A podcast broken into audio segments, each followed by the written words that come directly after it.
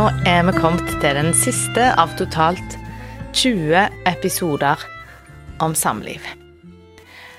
Her går vi gjennom ulike prinsipper og anbefalinger som jeg har lært meg gjennom kurs og instruktørkurs for samliv, og gjennom 20 års erfaring som gift sjøl. Um, og det er sånn at jeg brenner veldig for dette og har veldig lyst å holde kurs, uh, og har veldig lyst til at flere skal komme på kurs når vi arrangerer det, så du kan følge med på Facebook-sida vår, Samlivskurset Karmøy, eller du kan ta kontakt med meg for å høre om jeg kan komme og holde kurs der du er. Ja, og en oppsummering for det vi har snakket om på alle disse kursene. Vi snakket om på kurs nummer én om det å bygge et sterkt fundament om at årstidene skifter, at det er naturlig at vi har gode og dårlige perioder, og at det er viktig at vi vil å sette tid sammen eh, og bruke tid på parforholdet. Og vi snakket òg om at vi kan gi hverandre næring og støtte hverandre, og, og finne ut hvordan vi kan være god støtte for hverandre.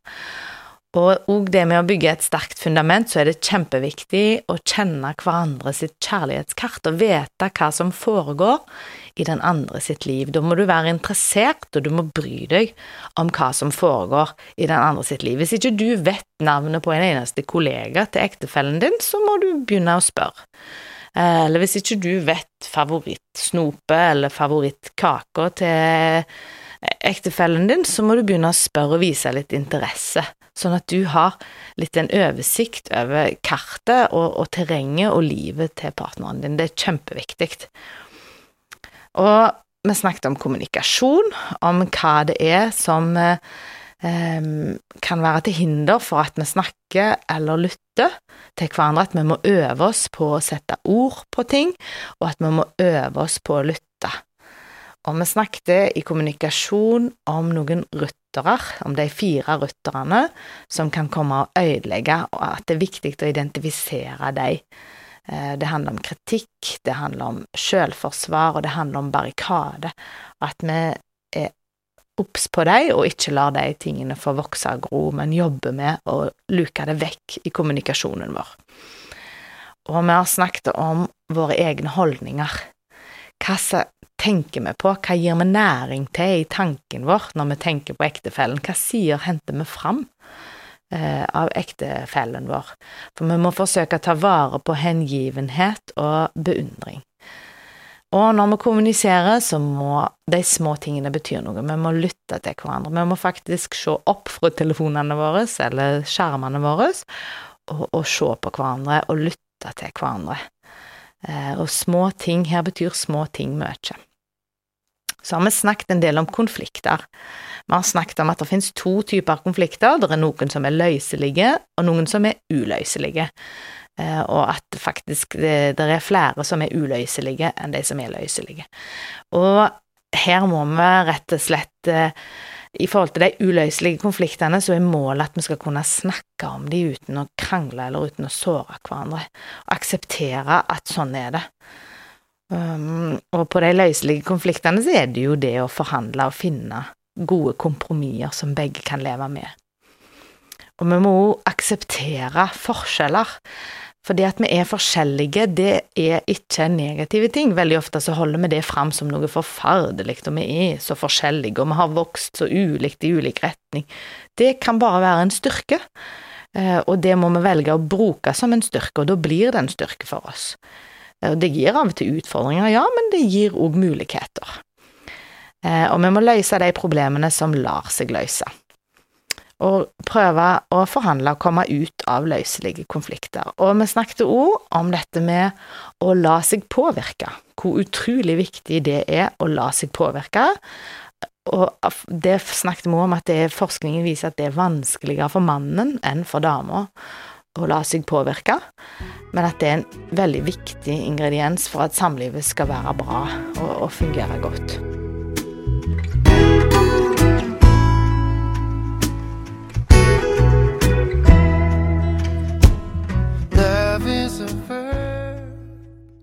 Så har vi snakket i to episoder om tilgivelse. eh, og om at ikke vi må la ting gro, at da kan det bli propper eh, av dritt som hoper seg opp, og så blir det bare mer og mer vanskelig, og til slutt oversvømmelse av bare dritt, men at vi må hele veien forsøke å rense opp, sette ord på og ta opp med hverandre og si ifra når ting er vanskelig, og vi snakket om at tilgivelse, det er et valg. Det er ikke en følelse. Det er ikke sånn at vi skal føle at vi klarer å tilgi, men det er å velge å ta stilling til ting og jobbe med prosessen over tid. Vi har snakket om familien, storfamiliens betydning, om oppveksten vår, hvordan det har påvirka oss, og om hvordan vi kan løse konflikter i møte med storfamilien, og at det er veldig viktig at vi som par tar våre egne valg. Vi kan gjerne lytte til råd fra foreldre og svigerforeldre, men vi må vite at nå er det vi to som skal stå for våre beslutninger og valg. Så har vi snakket om sex og det å ha et godt sexliv. Vi har snakket om at det er en gave ifra Gud, eh, og at det hjelper oss å uttrykke fortrolighet og nærhet i forholdet. Og vi snakket om seks sider med god sex, om kommunikasjon og om ømhet og om respons og viktige sider med sex. Og vi har snakket om kjærlighetens fem språk. Eh, at vi har ulike måter vi kommuniserer kjærlighet eh, eller å motta kjærlighet på. Det er ulike ting som gjør at vi føler oss elsket og verdsatt, og at det er nyttig å finne ut av hva som er viktig for meg, og kommunisere det til ektefellen din, og at du finner ut hva som er viktig for din ektefelle, og forsøker å kommunisere det, og snakke det språket. På samme måten så det er vanskelig å lære seg et nytt språk, så kan det være krevende å uttrykke kjærlighet på en måte som ikke er naturlig for deg, men det er likevel veldig viktig at vi øver oss og prøver. Og i dag skal jeg nå oppsummert prøve å si to ord om eh, dette med felles mening. For kjærlighet i praksis og det å skape en felles mening sammen, det kan være veldig viktig. For noen par har kanskje alt på stell av det som vi har snakket om til nå. Men så spør de seg sjøl liksom likevel, var dette liksom alt? Så føler de at det er noe som mangler.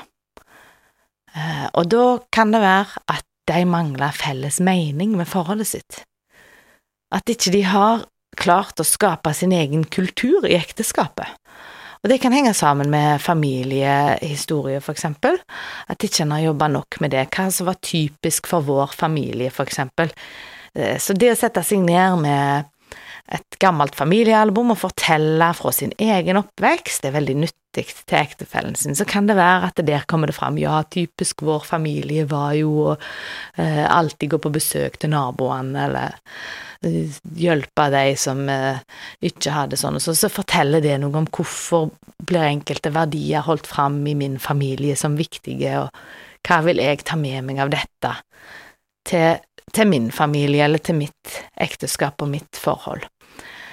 Um, ja, for eksempel Et eksempel på, på det kan være uh, en familie som uh, hadde det som deres på en måte verdi at de mot alle odds skulle klare å stå imot det som alle forventa, at de skulle gå konkurs i de vanskelige tidene med butikken som de drev, men de klarte det, eller at når de fikk et sykt barn, så skulle de skille seg, men de klarte mot alle odds å, å, å stå imot det. Og her kan dere lage deres egen kultur. Det er viktig å finne ut av hvordan vil dere ha det, definere det, sette ord på hva er deres felles mening. Og dette er sånne ting som gjerne ikke er helt bevisst for oss, og mange har denne delen godt dekka gjennom trosretning og religion. Det har eksempel meg og min mann, fordi vi er kristne begge to, og vi har det som vår verdi og felles kultur i vårt samliv. Det å be sammen, eller det å for eksempel reise på en bibelcamping hver sommer, eller det kan være med å skape felles mening. Eh, og vi sier ofte at eh, felles mening, da, det hviler på fire ulike ting. Det kan være tilknytningsritualer, at vi gjør det samme om igjen, for eksempel det er tradisjon i vår familie, at hver bursdag så gjør vi sånn eller sånn, eller Og det kan være at vi støtter hverandre i de ulike rollene vi har. Det kan være at vi har felles mål, at vi vet hva retning vi vil, og at vi er enige om det. Og det kan være felles verdi og symboler på de verdiene. Så det er viktig å forsøke å skape deres felles mening. Dere drar i samme retning. Så har jeg et oppsummeringsvers. I 1. Johannes 4,12 står det Dersom vi elsker hverandre, blir Gud i oss, og Hans kjærlighet er fullendt i oss. Jeg ønsker dere alt godt og lykke til med ekteskapene deres, og håper at jeg ser dere på kurs. Hei, hei. Takk for meg. Love is a verb, it ain't a thing. It's not something you hold, it's not something you scream. When you show me love, I don't need your words. Yeah, love ain't a thing.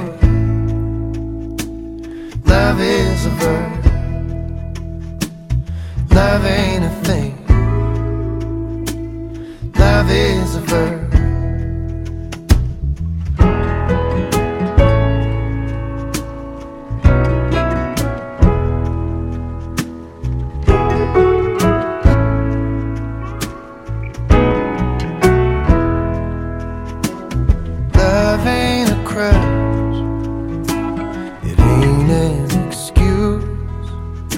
know you can't get through love. I'm just a pile of IOUs. Love ain't a drug.